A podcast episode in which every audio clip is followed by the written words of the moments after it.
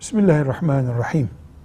Bir Müslüman maişetini nerede temin ediyorsa zekatını, fitresini o şartlara göre, oranın imkanlarına göre hesaplamalı ve vermelidir. Mesela Avrupa'da yaşayan Müslümanlar fitre verip vermemeleri gerektiğini oradaki maişet şartlarına göre belirlemelidirler. Oradaki fakir Müslümanlara fitrelerini ulaştırmayı veya zekatlarını ulaştırmayı tercih etmelidirler.